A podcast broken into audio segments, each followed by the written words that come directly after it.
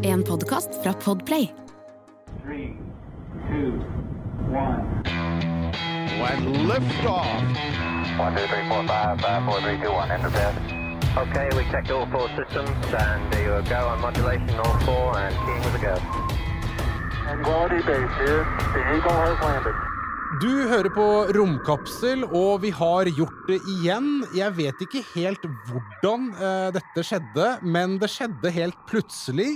Eh, og dette har vi jakta på en stund, eh, Eirik. Eller dette blir feil å si, for han her Ja. har vi jakta på en stund. Vi har det, altså. Ja, og Det er- endelig skjedde det. Da var det sånn Carpe Diem, nå må vi bare gjøre det. Vi stuper ut i det. Ja, og det er så fint. Jeg syns det er så deilig. Og Eirik, du har skrevet en flott introduksjon som du selv skal få lov til å lese.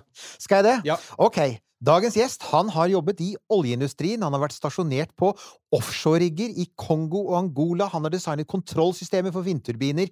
Han spiller rugby, han driver med sportsdykking, fallskjermhopping. Han har lengre opphold i underjordiske huler og undersjøiske forskningsstasjoner. Men det er ikke først og fremst derfor vi vil snakke med han. Vi har jaktet, med han på en god st jaktet på han på en god stund nå, fordi vi vil snakke med han om de ti dagene han tilbrakte om bord i den internasjonale romstasjonen, og om karrieren hans som Danmarks første astronaut. Så Andreas Mogensen, velkommen til oss i Romkapsel! Tusind tak. Det er, altså, det er helt eh, strålende å kunne snakke med en astronaut og slippe å snakke engelsk. Ja, Ja, vi, kan, vi kan snakke dansk eller engelsk, så det er, det er op til Nei, jer. vi skal det er, et po det er et poeng at vi snakker nå et nordisk språk. et stort poeng for oss. Mm. Men du, vi må jo fortelle. Du har en forhistorie. Kom igjen. Ja, la oss begynne der nå, for det er litt, eh, dette her er litt morsomt. Dette er litt sånn tilfeldig artig sammentreff. For, eh, som du sikkert husker, eh, for en del år tilbake, Andreas, så tok du deg en tur med en Soyuz opp til ISS. Eh, var der noen dager. Og så landet du da eh, i Kasakhstan eh, og ble fraktet i noen eh, antikvariske helikopter fra steppene inn til eh, flyplassen til Nursultan Nazarbayev, til dette flotte VIP-anlegget på flyplassen der, hvor Ja. denne mildt sagt omstridte presidenten tok deg vel imot. Og det som er kosmisk rart, er at på den flyplassen, da du ankom, der var jeg. Er det rigtigt? Ja! Nej. Ik, ik, ik, ikke spør hvorfor jeg var der, for det vet jeg fortsatt ikke. Men eh, jeg var der og så at du eh, på en måte tok dine første steg på Terraforma igjen etter ti dager på ISS. Wow, Okay. det er da et skægt sammentraf. Det er veldig, veldig rart, Ja. men, men sånn, er- sånn er eh, verden og det kosmiske Altså, sammenhenger. min nær Anders historie er ikke fullt så spennende, for jeg hørte deg nemlig for noen år siden holde foredrag på Tycho Brahe-planetariet i København. Det var et veldig bra foredrag for øvrig, men det er det nærmeste jeg så Jeg må si at Nils Johan har en bedre historie. Du vant. Du vant. Det var en, ja, det var en speciel oplevelse at, at komme til T-selskab med præsidenten af Kazakhstan lige efter vi var landet. Men det var selvfølgelig, fordi vi havde øh, Aydin Amberdov, en astronaut fra Kazakhstan, ja. med på missionen.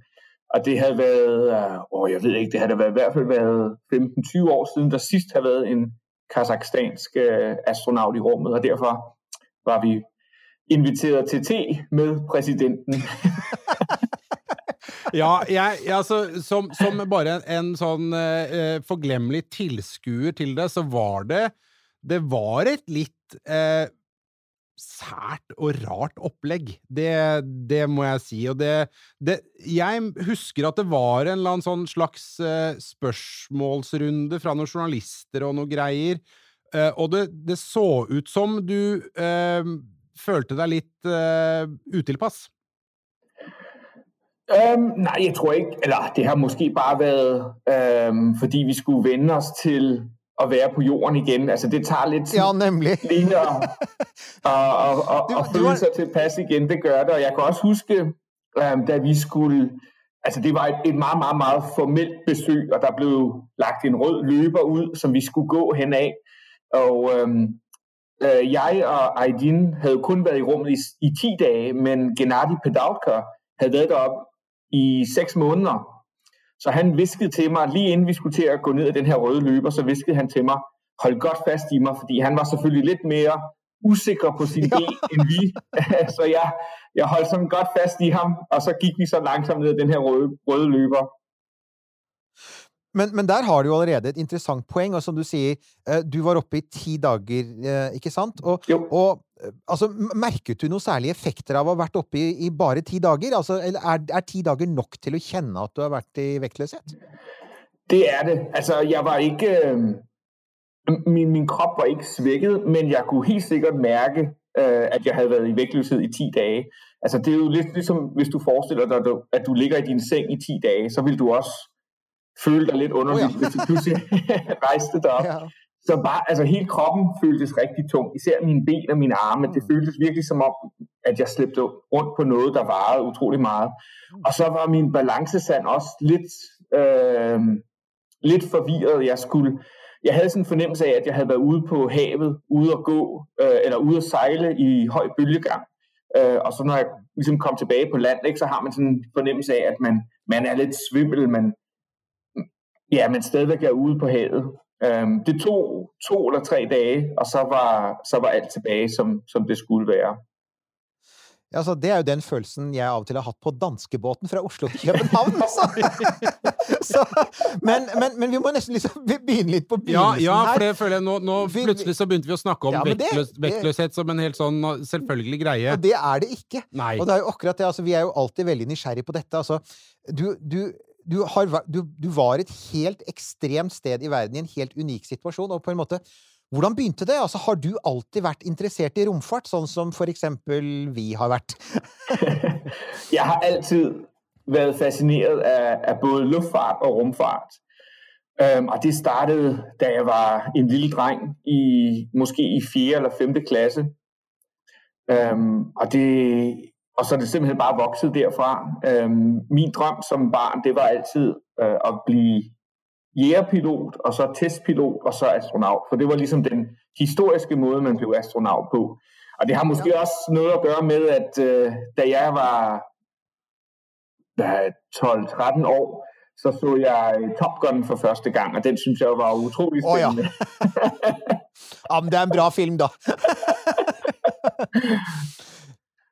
Så- Så du, så du, ja, selvfølgelig, for du er jo en god del eh, yngre enn meg. Altså, vi har jo, for du har jo liksom Apollo-generasjonen, for jeg husker jo dette med å ha sett mennesker på månen, ikke sant?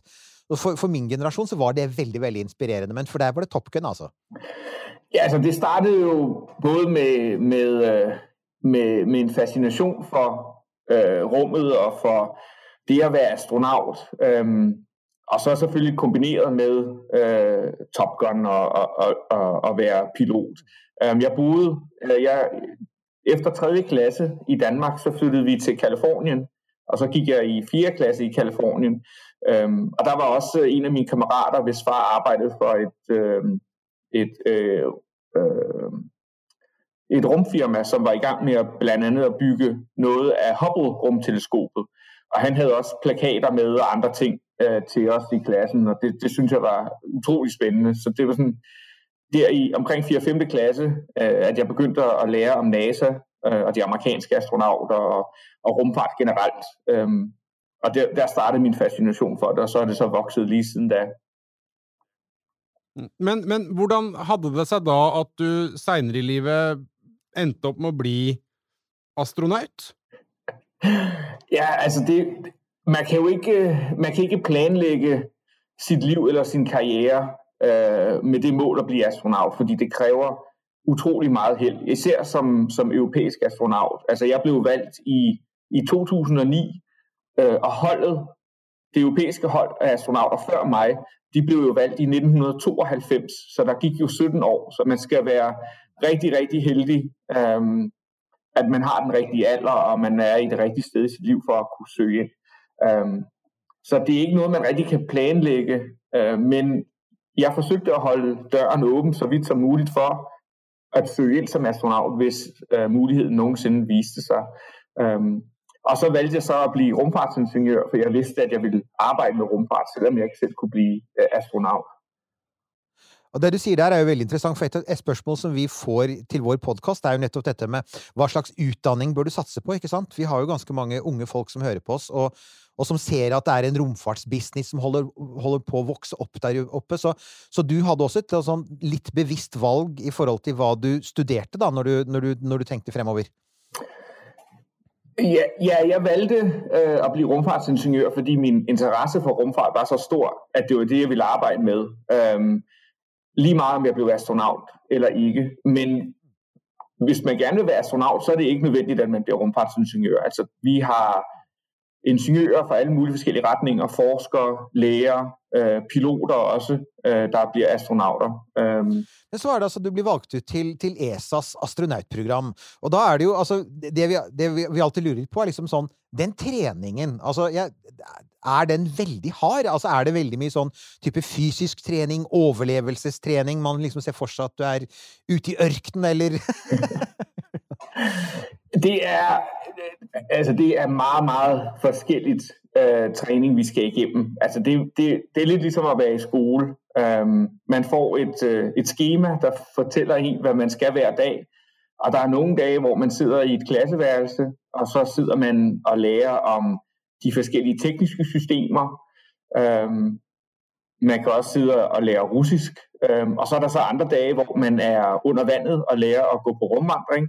Der er andre dage, hvor man sidder øh, ved en simulator og lærer at styre robotarmen, så det er lidt ligesom at spille et videospil.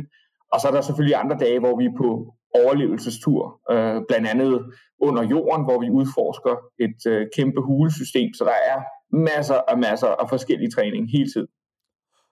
Og det, det, jeg så det der. Altså, var det ESA Caves? Hva var det dere bodde Dere bodde under bakken en uke, eller sånt? Var det det dere gjorde? Jamen altså, en af vores, øh, eller en af de største udfordringer som astronaut, det er jo, at du kan jo ikke træne i rummet for at komme i rummet. Altså hvis du skal lære at, at køre en bil, eller lære at flyve en flyvemaskine, så tager du en instruktør med, som sidder ved siden af dig, og de kan så langsomt guide dig igennem. Øhm, den, har, den mulighed har vi ikke øh, første gang, vi er i rummet. Det er jo, der tæller det. Så vi forsøger at finde ting på jorden, der på en eller anden måde minder om nogle af de ting, eller nogle af de udfordringer, vi får øh, ved at være i rummet. Så en af de øh, træningskurser, ISA har udviklet, det er et øh, Caves-kursus, hvor vi bor øh, i en uges tid øh, nede under jorden i sådan et dybt hulesystem på flere kilometer øh, under jorden. Øh, og så er vi så et hold af seks astronauter, som så skal udforske øh, hulesystemet. Og så er man øh, ja, fuldstændig isoleret. Øh, man ser ikke solen øh, i en hel uge. Man mister ligesom den naturlige dag-natrytme, og så skal man så arbejde øh, med sine fem astronautkollegaer om at udforske hulen, og så bliver man så udsat for nogle af de samme stressfaktorer, som man måske kan opleve øh, i rummet. Og så er det jo så bare rigtig, rigtig fedt og, og spændende at få lov til at udforske vil, vil du si, hvis, hvis noen av oss vil få klaustrofobi og, og tenke på alt det mørke, men ja. men, men, men, så er det Du er jo ikke bare astronaut, du er også akvanaut, ikke sant? Altså, for du har jo også vært under vannet før du var oppe i rommet. Det har jeg også, endda to gange. Jeg har været så heldig at deltage to gange i NASAs NEMO-missioner. Så øh, ESA har Caves, NASA har det, de kalder NEMO. Øh, formålet er egentlig det samme. Det er at forberede en på en rummission. Øh, så NASAs NEMO-missioner foregår øh, på 20 meters dybde under vandet øh, ud fra Floridas kyst. Der står et, øh, et undervandslaboratorium, som øh, marinebiologer også bruger til at studere koral, koralrev osv.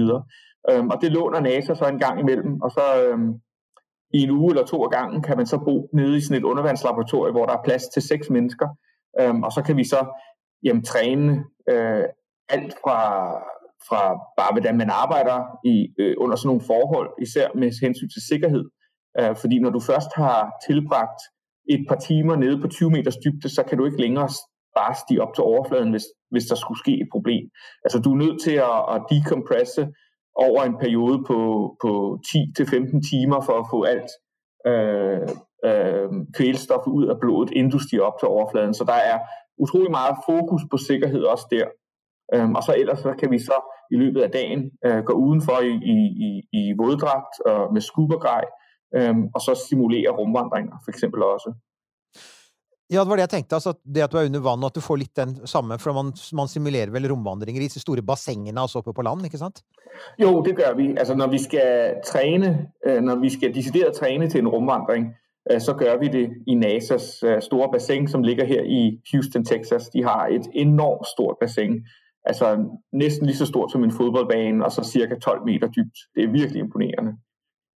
Mm. Men eh, når du da har eh, på en måte eh, testa ut disse eh, romanalogiene, da, som er grotter og under vannet, og så, som du da har fått eh, gjøre, komme opp i verdensrommet, syns du at NASA har vært flinke til å finne eh, miljøer som er så like som mulig, eller var det helt annerledes? Altså, der er jo en, et meget vigtigt eller stort aspekt, som vi ikke kan træne på jorden, og det er jo vægtløs tilstand. Altså, vi har desværre ikke et rum, man kan træde ind i, og så slukke for tyngdekraften. Tyngdekraften er alle steder. Så det er jo den helt store ting, vi skal lære, når vi kommer derop. Altså, hvordan lever man i vægtløs tilstand? Hvordan, hvordan børster du tænder, ikke? Og, og hvordan sover du? Hvordan arbejder du? Øhm, og og det, det er noget, der tager tid. Øhm, det er noget, man virkelig skal vende sig til. Altså bare sådan noget som at, altså hvis du fjerner skruer, øh, altså hvis nu du skulle lave noget, hvis du skal reparere noget, der går i stykker, og så fjerner du fire skruer her på jorden, så lægger du bare de fire skruer på bordet, øhm, og så tænker du ikke mere over det. Men i rummet, så står du pludselig med fire skruer i hånden, og så ved du ikke, hvad du skal gøre med dem, for du kan ikke give slip på dem. Så flyver de væk, og så mister du dem. Så der, der er rigtig sådan mange små detaljer, man ikke rigtig tænker så meget over, øh, inden man kommer derop, men så lige pludselig, så, så, så spiller de en stor rolle. Du, du, du, hadde en sånn, du nevnte i en liten bisetting der at en av de tingene du trente på, det var russisk. Og det er jo litt interessant, for altså, var det sånn eh, øh, da, da du hadde astronauttrening, var det da gitt at det var Soyuz du skulle fly opp med? For det var vel på slutten av romferjens eh, øh, karriere, var det ikke det? Jo, altså jeg startede jo som, som astronaut i 2009, øhm, Mm. og rumfærgen blev pensioneret i 2011. Øhm, så jeg var Ja. ikke, vores hold af astronauter fra 2009 var ikke parate til at, at flyve med, med rumfærgen endnu. Så der var kun Soyuz øhm, for os at, at flyve til rumstationen med. Så, så det at lære russisk var utrolig vigtigt, og det var noget, vi gik i gang med øh, lige fra starten.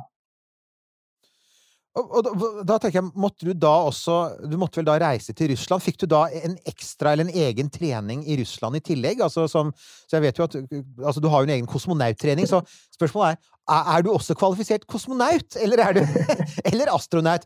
Eh, vi har hatt litt diskusjoner om dette i podkasten, nemlig våre lyttere er litt opptatt av dette med sånn hva ting heter, ikke sant? Altså når er man astronaut, når er man kosmonaut, ikke sant? Og hva, hva kvalifiserer for det ene og det andre? Åssen er det med deg? Jamen, altså, blandt, blandt astronauter og kosmonauter, så, så er der ikke nogen forskel. Altså, det er bare, hvilket sprog man taler. Taler man engelsk eller dansk, så siger man astronaut. Øh, taler vi russisk sammen, så bruger vi ordet kosmonaut. Øh, men øh, altså,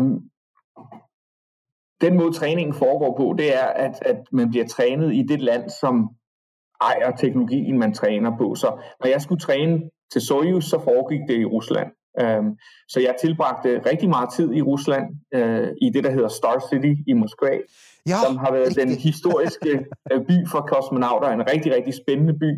Øhm, og der har jeg tilbragt, og sammenlagt vil jeg gætte på, måske to år i alt, eller sådan noget, lige halvandet til to år. Ja, men altså i, Så- så- i, i bider på to-tre måneder ad gangen. Så du må jo være altså virkelig Altså, man må jo bli virkelig flytende i russisk og, og vant til russisk liv, på en måte, da. Man, jo, man er såpass lenge der. Russisk er, er et meget, meget kompliceret sprog. Øhm, Ok. så det, jeg vil sige, jeg er, jeg er, er god til at tale om, om raketter og tekniske systemer på russisk. Jeg er ikke så god til at fortælle, hvad jeg lavede i weekenden. Men, men eh, når du da kommer fra USA, Europa eh, og teknologien der, og reiser til eh, Star City eh, og møter den russiske teknologien, eh, hvor det er Jeg ser for meg litt mer hammer og dunking med, med slegge på ting. Eh, hvordan er den overgangen? Det var altså ah, virkelig fascinerende øh, at se øh, forskellene. Øhm, altså det, det, det russiske øh, rumskib Soyuz var jo udviklet tilbage i øh, slutningen af 1960'erne. Det fløj jo første gang i, og jeg kan ikke huske, var det 1970 eller 71, eller måske, måske endda i 1969. Um, øhm, og det er selvfølgelig blevet opgraderet med tiden, men selve rumskibet øh, er det samme. Um, og det gør jo blandt andet, at det er utroligt pålideligt og, og robust. Altså det er jo, øh, man kan virkelig regne med det, øh, men samtidig så, så får man også en indsigt i, i, ja, i, i, i noget meget gammel teknologi, kan man sige. Og det var øh, utrolig spændende at lære om det.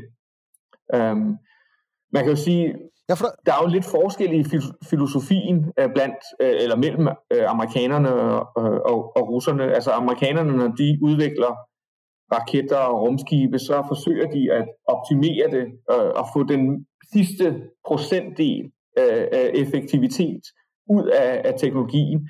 Øhm, og det gør jo selvfølgelig, at det er har, har en masse kraft og, og og øhm, kan en masse ting, men det gør det måske også mere skrøbeligt over for for eksempel dårligt vejr. Øh, fordi man hører jo tit, at opsendelser fra, fra Florida øh, bliver udskudt på grund af, af, af dårligt vejr. Øhm, den russiske filosofi er mere sådan bare, at det skal, det skal være robust. Det er måske ikke helt så effektivt, men det fungerer, og så kan det sendes op, når vi vil have, det skal sendes op.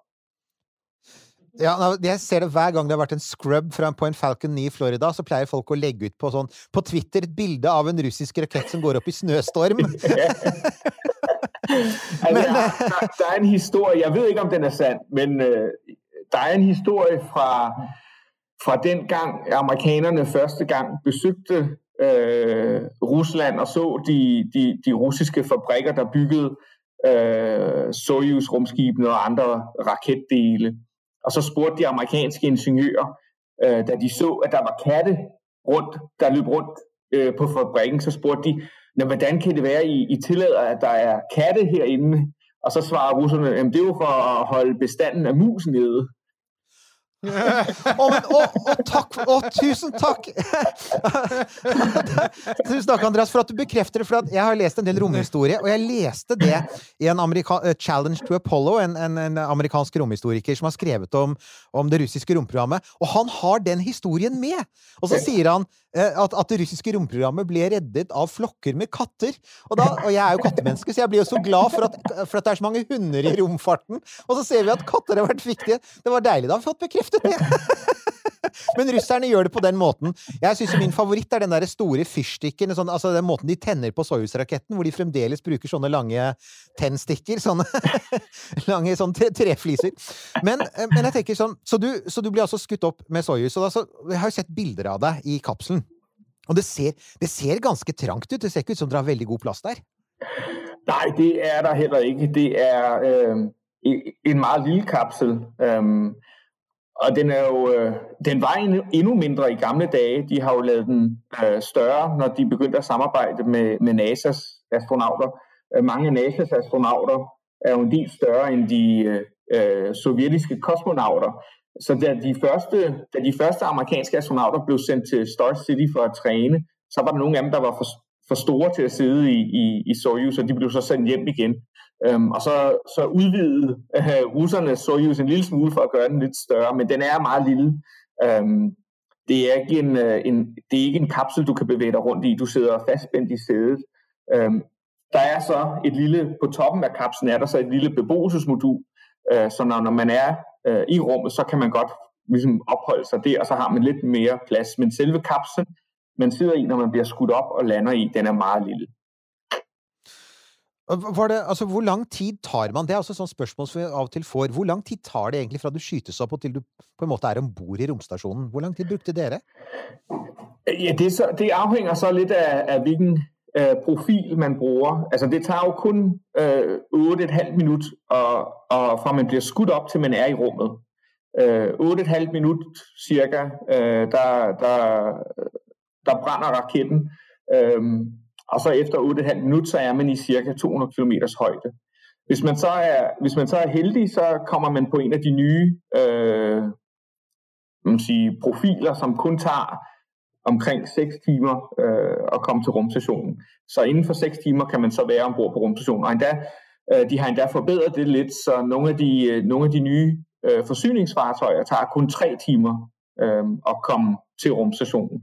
Men øh, da jeg blev skudt op i 2015, der brugte vi stadigvæk den gamle profil, og det tog os 53 øh, timer øh, at komme til rumstationen, og det er altså lang tid at, at sidde i, i, i Soyuz-kapslen i, i 53 timer. Ja, fordi der har du en ting som, som jeg lurer litt på. Når du da eh, blir fastspent i dette bitte, bitte, bitte lille boksen som eh, står på toppen av en svær rakett, eh, og så er det noen i bånn der med en liten fyrstikk som tenner på og sier at 'hei, hvor det går, nå skal vi av gårde'. Nå jager vi vekk kattene dere. Beskriv den følelsen der. ja, øhm, det, var, det var meget overraskende, fordi jeg havde selvfølgelig hørt mange amerikanske astronauter fortælle om deres øh, opsendelser med rumfærgen. Og hvis du hører øh, astronauter fortælle om, om, om en opsendelse med rumfærgen, så, så vil du høre dem fortælle om, hvor, hvor voldsomt det er. Altså hele rumfærgen, den vibrerer, og man, man sidder og ryster i sit sæde så meget, at man næsten ikke kan fokusere på skærmene foran sig, øhm, og der er en masse, masse larm, øhm, og, og man er ikke i tvivl øh, om, at man, øh, om, at raketten er tændt, og man nu bliver sendt i rummet. Så det var egentlig det, som jeg også havde forestillet mig ville ske. Men øhm, Soyuz er jo meget anderledes end, end, end den amerikanske rumfærge. Der er en, en lille kapsel øh, på toppen af en, en 50 meter øh, lang raket, Øhm, og så er man indpakket i en shroud eller en, en payload fairing hedder det, som beskytter en, en aerodynamisk skal, som beskytter rumskibet under øh, starten af opsendelsen. Så man kan ikke se ud af vinduerne, der er helt mørkt. Så man sidder inde i den her lille kapsel, øhm, og det er helt mørkt. Og så i, i Rusland, så har man heller ikke en countdown. Du tæller ikke ned fra 10. Altså selvfølgelig fortæller de en, at, at nu, tænd, nu er hvad man sige, nu er nøglen drejet om, og nu er raketten startet, men det er sådan, man tæller ikke ned til, til 0 øh, fra 10. Øhm, så da vi ligesom kom til det tidspunkt, hvor raketten var startet, og jeg regnede med, at, at nu var vi på vej, så, så blev jeg lidt i tvivl, fordi det var, det var slet ikke, som jeg havde forestillet mig. Altså, der var, det var slet ikke så voldsomt. Altså, der var selvfølgelig en lyd, men ikke, det var ikke en voldsom lyd, og der var ikke sådan nogle voldsomme vibrationer. Øhm, og jeg tænkte sådan lige et splitsekund, jeg tænkte, jeg vide, om der er gået noget galt, om vi stadigvæk sidder på, på, på startrampen, øh, og måske er raketten ikke engang tændt ordentligt. Øh, fordi det, det virkede slet ikke, som jeg havde forestillet mig. Det var jamen, langt mere stille og, og roligt, end, end, end jeg ligefrem havde, havde forestillet mig. Der gik så måske i 30 sekunder, øh, et minut, øh, og så kunne jeg så virkelig mærke accelerationen. Men det er jo så også, fordi Soyuz er, er udviklet til at, at starte langsomt, og så stiger accelerationen så med tiden. Så jo mere tid der går, jo kraftigere bliver accelerationen. Så lige der i de første 30 sekunder, øh, jamen der stiger raketten meget, meget langsomt. Og det ser man også, hvis, hvis man kigger på en, en, en, en, en, en video af en, en Soyuz-opsendelse, så ser man, at at raketten lige der i starten, den, den letter meget langsomt. Øhm, ja, så jeg var sådan lidt, jeg tænkte, gud, kan jeg vide, om, om der er sket noget, om, om der er noget, der kunne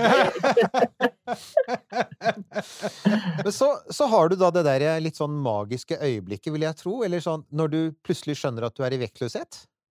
Det må jo ha vært litt må, må ha vært veldig spesielt.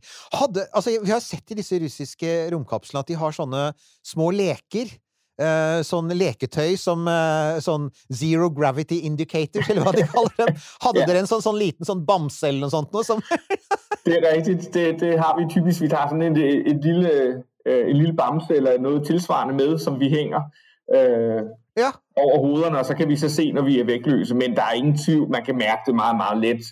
Øhm, fordi i, i 8,5 minut, så er man blevet accelereret af de her kraftige raketter, og så lige pludselig så slukker raketterne, og så bliver der fuldstændig stille, og man bliver ligesom kastet øh, frem i sit sæde, fordi raketten lige pludselig øh, stopper. Øhm, og så, øh, så havde jeg en, en meget, meget besønderlig fornemmelse, så snart raketten slukkede. Jeg havde sådan en fornemmelse af, at jeg slog en, en koldbøtte, og at jeg så hang med hovedet nedad. Øhm, og det har måske noget at gøre med, at øh, lige pludselig, når man er vægtløs, så bliver blodet ikke længere øh, man sige, skubbet ned i, i underkroppen, ned i benene.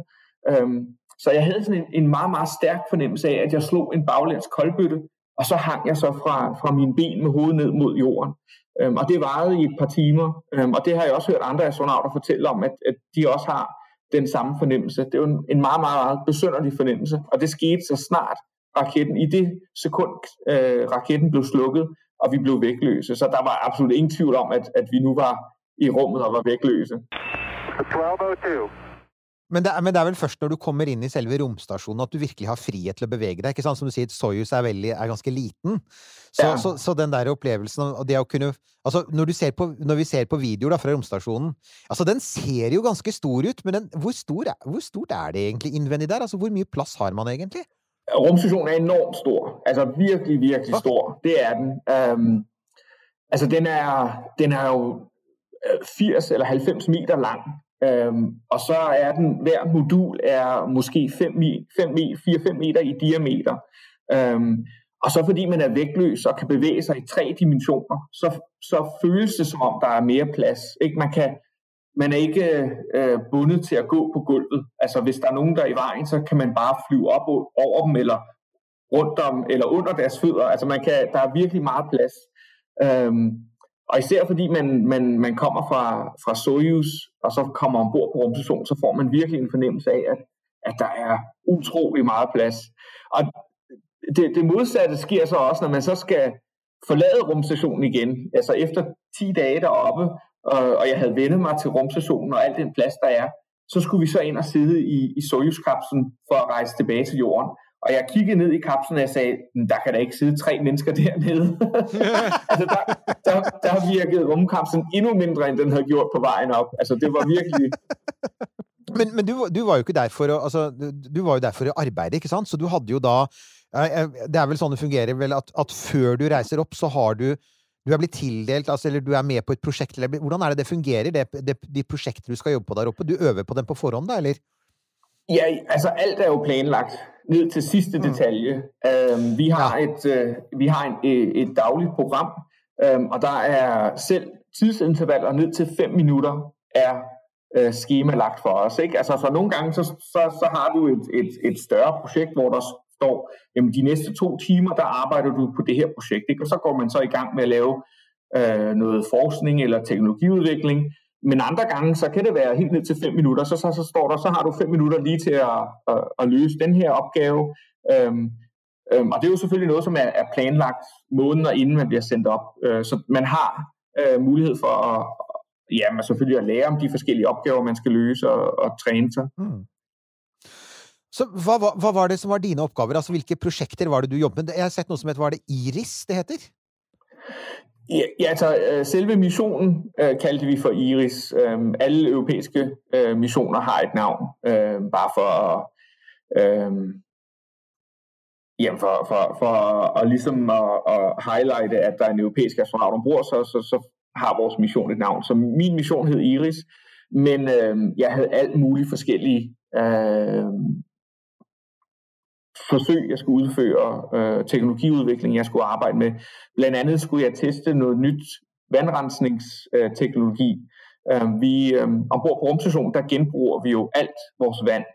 Øh, jeg tror, det er omkring 95 procent af vandet bliver genbrugt, så det vil sige, at alt vores urin bliver samlet sammen, alt vores sved, som når vi for eksempel øh, motionerer, det bliver så også kondenseret, øh, og så renset og bliver til drikkevand igen. Øhm, og der skulle jeg så teste noget nyt øh, teknologi, som bruger, øh, i stedet for at bruge kemikalier, så bruger det øh, proteiner, altså en membran, der består af proteiner, øh, som kun tillader vandmolekyler at passere igennem. Øh, så det var sådan et, et nyt teknologi, øh, noget nyt teknologi, som jeg skulle teste under vægtløs tilstand. Øh, så deltog jeg i et eksperiment, der skulle forsøge at, at filme øh, kæmpe lyn fra rumstationen, altså lyn, der skyder opad ud mod rummet. Øh, et virkelig, virkelig spændende projekt, hvor det øh, helt øh, øh, usandsynligt lykkedes mig at, at, at tage nogle, øh, en, en filmklip af sådan et blåt blue jet, hedder det, som skyder opad Ja, ja. ja. rummet. Øh, virkelig, virkelig imponerende, øh, og, og meget overraskende, synes jeg, fordi øh, Ja.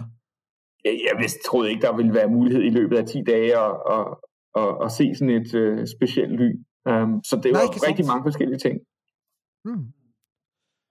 Og så eh, var dine dager eh, talte. Ja, nei, du, nei, vi- vi- nei, og nei, du vet- nei, nei, det var mer, ja. Ja, ja, ja. Nei, altså, ja. husk på, vi, vi, vi Ja. spør ikke bare på vegne av oss selv, vi spør Nei, på vegne ja. av ganske mange ja, lyttere. ok, du Og det er sånne ting som for eksempel å sove i rommet, Andreas. Altså, hvor det, for du, du, du hadde ganske lange dager, hadde du ikke det? Altså, hvor, hvor lenge jobbet du hver dag? Åh, det er svært at sige, men jeg, øhm, ja, altså i hvert fald i, i 12-14 timer arbejdede jeg typisk, øhm, og så, altså jeg, jeg havde jo ikke lyst til at spilde min tid i rummet med at sove, så jeg tror, jeg sov øh, så lidt som muligt, måske 5-6 timer hver nat, og så var det, det bare lige nok til, at, øh, at jeg var sådan lidt udvilet. Det kan, jeg, det kan jeg faktisk skjønne. men, men, men det er jo sånn, altså dere har, det, det finnes små egne soverom, gjør det ikke det? Sånne cubicles eller sådan sånt noe, og så og, og hvordan er det Men altså, du sier at det å være i vektløshet er som å ligge i en seng i, i, i ti dager, men, men hvordan er det da å sove, hvis du skjønner hva jeg mener? Er det Ja, det er et godt spørsmål. Um, altså, som, som du nævner, så er der sådan nogle små sovekabiner. Uh, det minder mest af alt om et lille skab, man kan træde ind i.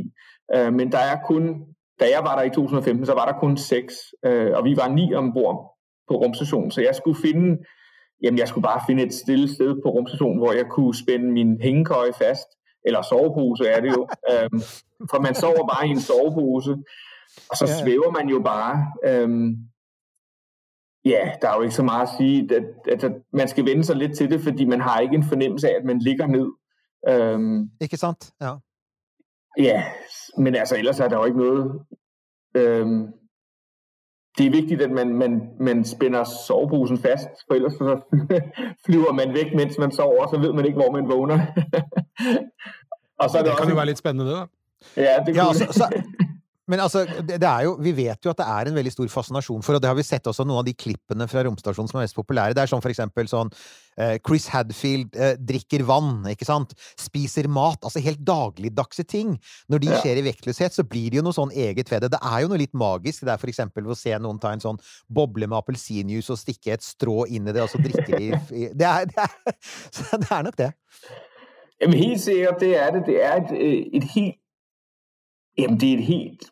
Altså det er et magisk sted på mange måder, nemlig fordi alt er vægtløs, og man svæver rundt, og man...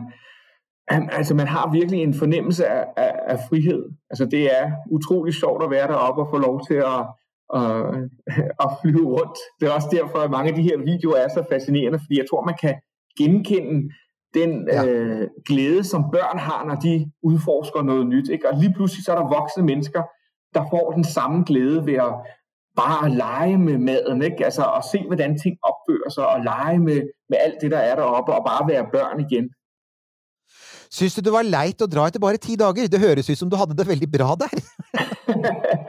jeg håber meget på, at jeg kommer afsted igen, og jeg håper også meget på, at, Ja. øh, at, at jeg får lov til at, at bruge mere end 10 dage deroppe, fordi der er så mange spændende ting at, at, at lave, og så mange spændende ting at se deroppe.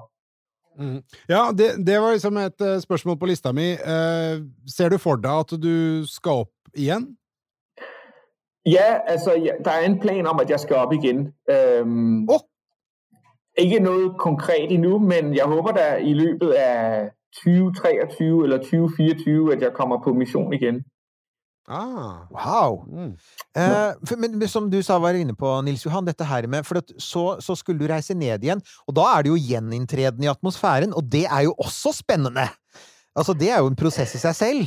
Så, så hvordan, hvordan opplevde du det, ikke sant? Å komme ned igjen gjennom det derre flammehavet som og all Ja. Øh, Nedturen, det er også en kæmpe oplevelse, i, hver, i hvert fald med, med, med Soyuz-rumkapslen, for den falder jo sådan set bare igennem øh, atmosfæren. Og, og som du siger, så det første, der sker, det er, at der bliver øh, lavet en enorm mængde varme, altså så meget varme, at, at luften omkring en bliver til et plasma, øh, som lyser lyserødt. Øh, og, og den her varme, den er så intens, at man kan mærke det. Altså man begynder virkelig at, at få det varmt og svede. Altså jeg storsvede under nedturen, fordi det var så varmt. Øh, og så, Øh, jamen så, øh, altså, så, så mærker man jo også, øh, opbremsningen. Altså man bliver presset tilbage i sit sæde. Øh, med Soyuz får man cirka 4,5 G. Altså det vil sige, man, man bliver presset ned i sit sæde med 4,5 gang sin egen, egen kropsvægt. Altså hele kroppen bliver tung, og man bliver presset tilbage i sædet. Øh, og så, øh, så på et tidspunkt i cirka 10 km højde, så bliver faldskærmen så udløst.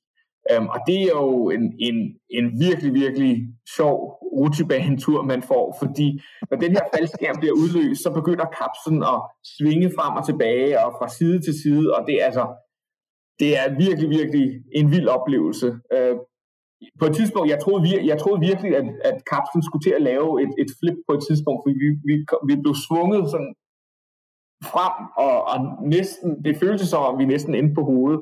Um, inden, inden ligesom faldskærm havde stabiliseret alt, øh, og vi så langsomt dalede tilbage mod, mod, øh, mod jorden. Men det er en, en meget, meget vild rutsjebanetur, man får.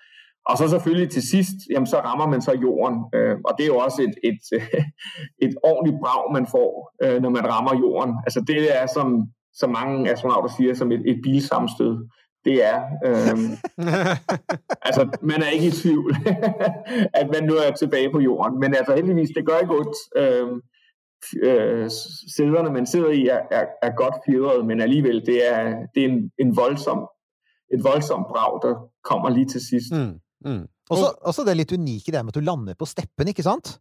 For det gør det jo. Jo, jamen det gør man. Man så... lander... Øh, altså, Kazakhstan er jo et fascinerende land. Altså, Kazakhstan er jo lige så stor som hele Vesteuropa. Øh, så mange, ja, en stor del af Kazakhstan er jo, er jo næsten ubeboet, eller meget, meget, øh, øh, altså befolkningen er ikke, den er, altså der er ikke, der er ikke særlig mange mennesker øh, mange af de her steder. Øh, det er også derfor, vi, vi bliver sendt op fra og, og lander derude, ikke? fordi det, det er meget let at undgå at ramme et hus i sådan et stort land. Men jo, man lander ude i steppen, og, og så sidder man inde i kapslen og venter på, at øh, redningshelikopteren lander, og at øh, øh, der kommer nogle folk til at hjælpe en ud. Og så ellers så kommer der jo øh, en masse, øh, en masse øh, militære øh, fartøjer, både helikopter, øh, men også øh, bilkøretøjer, øh, og så bliver man så fløjet tilbage til, til en lufthavn. Og så møter man eh, Nur-Sultan Nazarbayev og får litt te, og så reiser man hjem til Danmark. Og blir, og blir observert av Nils Johan ja, ja, Halvorsen. Ja, men, men, så er det, så, men så er det alltid litt interessante er altså, holdt på å si, Hva gjør man etter det? For du har vært på det, igjen på det der helt fantastiske stedet. Dette, denne magiske plassen. Og så skal man liksom lande på jorden igjen. Og så skal man tilpasse seg et liv her nede. Hva, hva Er det en sånn stor omstilling, en sånn mental omstilling, når du har opplevd det du har opplevd? Ja, så, ja det, det, selvfølgelig, det er en, øh, en, øh, en kæmpe, kæmpe oplevelse. Um, uden tvivl.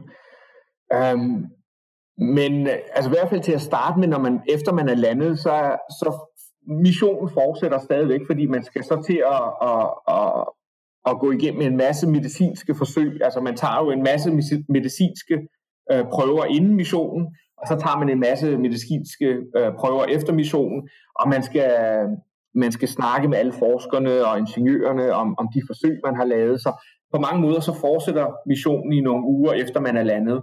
Øhm, og så langsomt, langsomt, så trapper det ned. Øhm, øh, så omvæltningen sker sådan langsomt, skridt for skridt. Det er ikke sådan en, en, en, en, en en lige pludselig øh, og bræt omvending, som man skal vende sig til.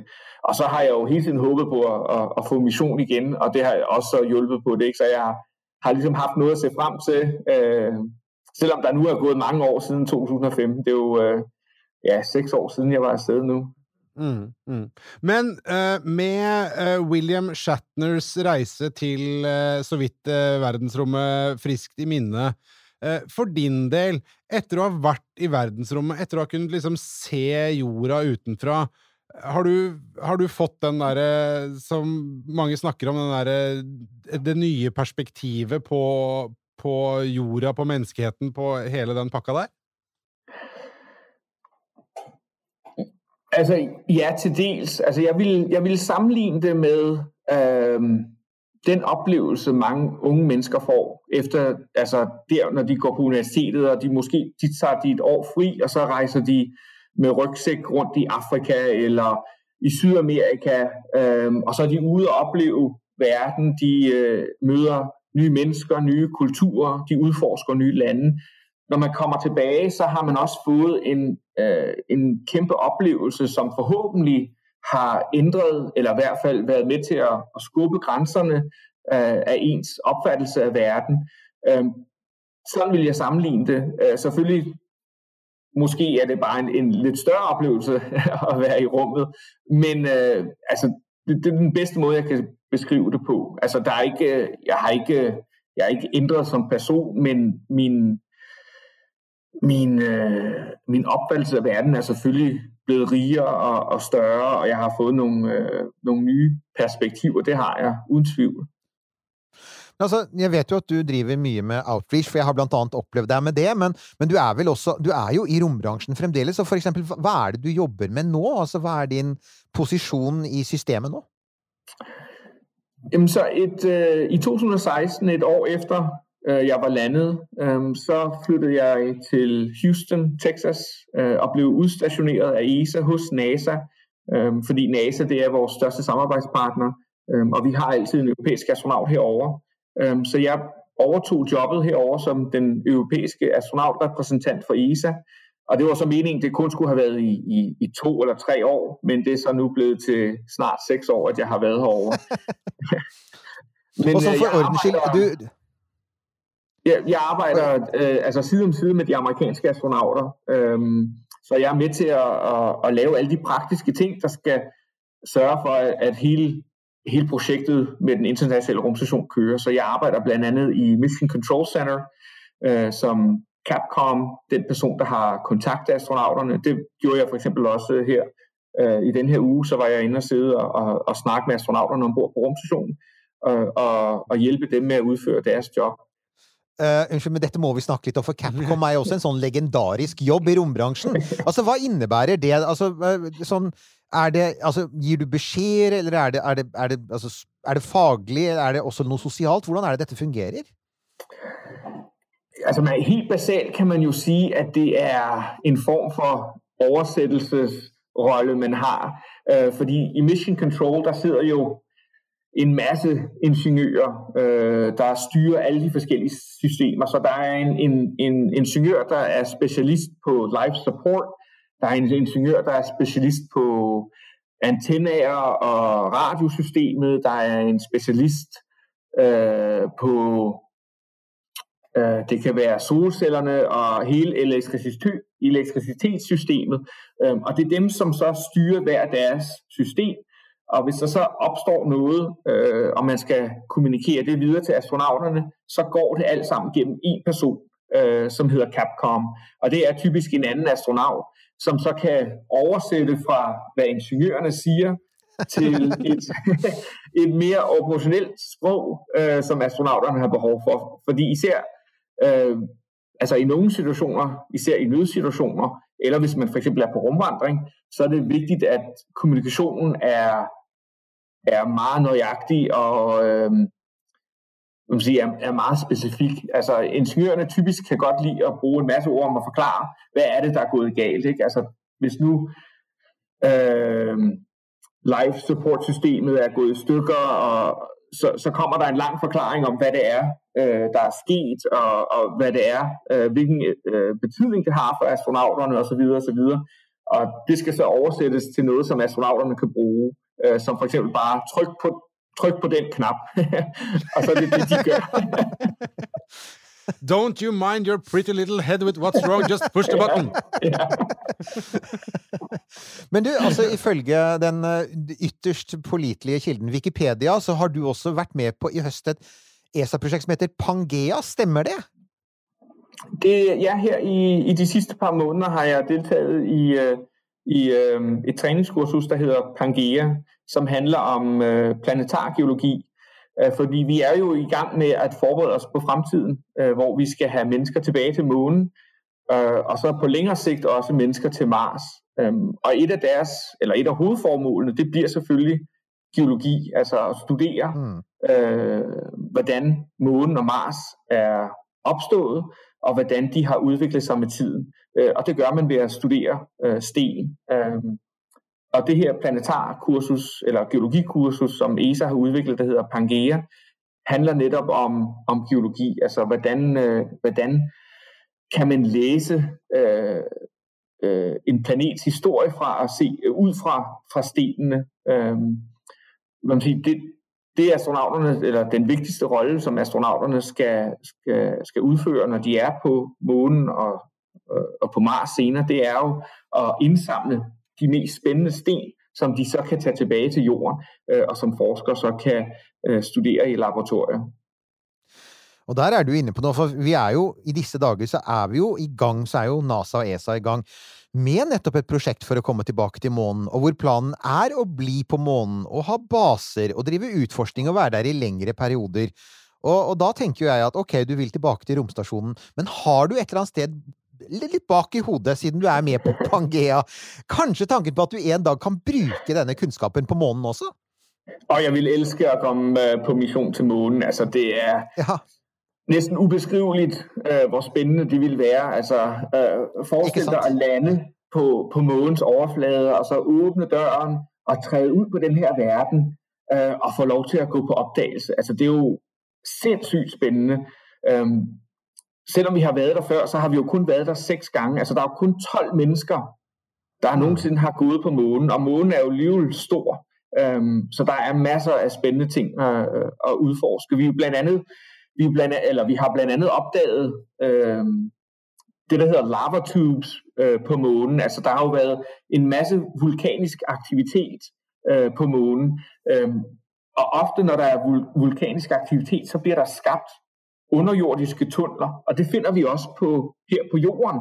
Øhm, og det var blandt andet en af de ting, vi studerede på, på Pangea, det var, vi var nede i sådan nogle underjordiske øh, tubes, altså lava tubes, altså hvor der har været lava engang fra vulkanudbrud, som så er man siger, størknet har skabt en, en, en underjordisk kugle. Og det ved vi også findes på, på, på månen, og det er sandsynligvis også noget af det, som vi vil øh, kunne få udforske, når vi, når vi vender tilbage. Så altså, det må være sindssygt spændende at få lov til at deltage i en månemission. Ja, ikke sant? Altså, det er, jeg husker jeg så en, øh, en dokumentar om, jeg tror det var astronautene på Apollo 16, som har akkurat den opplevelsen av de vil så gjerne gå litt til, men de kan ikke, ikke sant?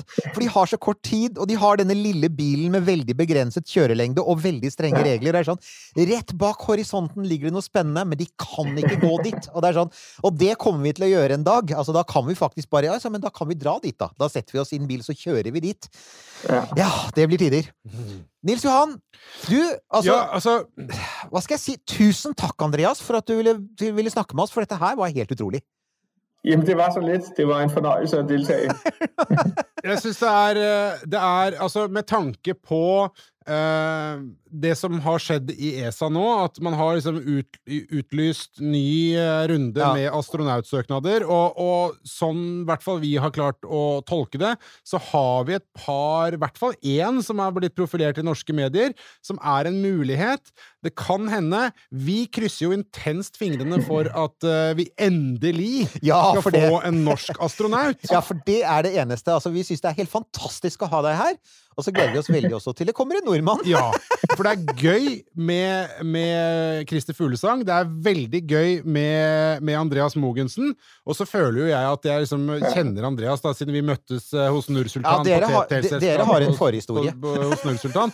Eh, eh, men igjen, da, vi krysser fingrene for, Ja. for en norsk. For, for det er en kul jobb. Ah, Det er det helt sikkert. Og jeg tror da også, at jamen, altså, jeg tror da, hvis der er nogle kvalificerede nordmænd, som har søgt ind, så tror jeg, der er også, fordi der aldrig har været en nordmand før, så er der Ja. jo sikkert en, en, en lidt bedre chance, end for eksempel for en, en ny dansk astronaut. Ikke? Det er jo, der er chancen lidt mindre, fordi vi har en dansk astronaut. Så. Ah, Det er, jeg, vet du hva? Det er, nå har vi lagt på med Andreas eh, direkte fra Houston. eh, We Don't Have a Problem, eh, Capcom eh, der. Men det, er- det, greia er nettopp det. Altså, han- er Capcom. Ja. Det er liksom sånn Jeg, jeg syns Dette er jo noe av det morsomste med denne podkasten, er at vi prater med folk som han, da. Ja, ja. Som har en sånn jobb som vi har sett på film, ikke sant? Vi har liksom eh, Jo, vi har liksom sett Hollywood-stjerner gjøre det på film. og, og, og han, han eh, He's living the dream. Ja, ja, men, og jeg, jeg mener det at jeg, jeg, som vi sa innledningsvis her, så mener jeg at det å det å måtte snakke med han på et språk som vi presumptivt eh, forstår eh, alle sammen, og som er av den nordiske art, uh, syns jeg er litt viktig. Eh, rett og slett bare fordi at jeg føler at det, det konkretiserer på en måte rollen som eh, altså, land vi liker å sammenligne oss med, da, har når det kommer til eh, romfart og, og space science, eh, som man ser på som et veldig sånn amerikansk greie, da. Men, men det at faktisk folk som snakker dansk, som snakker svensk, eh, og, og for så vidt også som snakker norsk, bare at ikke den spisse enden, at har noe med det å gjøre, da. Ja. Og så syns jeg det kommer veldig tydelig fram at han, han midt oppi alt så har han en veldig stor respekt for det russerne gjør. Eh, dette er masse tradisjon, men de driver på en veldig sånn, som man sier, en veldig solid måte. Jeg synes jo det, det morsomste der er akkurat den biten hvor han forteller om hvor smooth det var å bli skutt opp med Soyuz. Ja, jeg, Det, det var jeg liksom sånn uforberedt på, egentlig. At jeg hadde trodd at det skulle være helt motsatt. jeg er også skranglete. Det detter liksom sånn litt malingflak av taket, og du hører at liksom boltene skrangler. Nei, nei, nei. Ja. Nei, har den startet, så Nei, Ja. så folkens, eh, vi håper på Vi jobber med minst en annen astronaut, så vi håper på at det kommer flere astronauter i løpet av eh, denne sesongen eller neste sesong. Så bare sånn at dere veit det. eh, det hender at det tar litt tid før vi får ting på plass. Det, det er bare slik eh, dette gamet funker. Ja. Eh, så i mellomtiden så får vi bare si at dere, får, dere får eventuelt kommentere hva dere syns om denne saken under på Facebook. ja, gjør det. Eh, folkens, eh, dette var astronaut nummer to, altså, eh, i romkapselen. Og det, jeg må jo si det, at eh, vi kan eh, fremstå oss så holdt på å si kule vi bare vil, men det er barnslig gøy Oi, oi, oi, oi, oi. eh, med Jeg tror jeg astronauter. kommer helt fram her. Jeg, jeg, I'm in awe. Jeg bare syns det er Ja. eh, Det er ikke så lett å slippe til, for å si det sånn! Ja, ja, men det er, det, når- det, er, det, er, det er fritt fram her. Når Eirik Ja, ja, eh, ja, får snakke nei, det er, astronaut. Neida, Å, Men, eh, nei, det er gøy. Det er gøy. Det er gøy. Så altså, eh, Facebook, eh, Twitter, romkapsel eh, Romkapsel.no, T-skjorter der. Ikke sant? Det vanlige. Vips Ja. hvis du vil det, hvis du føler deg gavmild i det nye året og har noe igjen. Vi skal, ikke, vi skal ikke presse dette her på noen folk, men hvis du vil, da. Romkapselen ute i Halvorsen heter vi der. Og så takker vi for nå. Det har vært en eh, reise, denne episoden. ass. Jøye meg, det er gøy. Ja, og jeg, etter dette skal jeg gå hjem og gi Pus en ekstra klapp og bare minne henne på at hun er en viktig del av romprogrammet. Skapningen Dine slektninger har spilt en viktig rolle for utviklingen av Soyuz. Takk for det, Pus.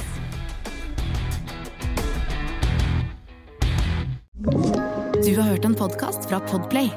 En enklere måte å høre podcast på. Last ned appen Podplay, eller se podplay.no.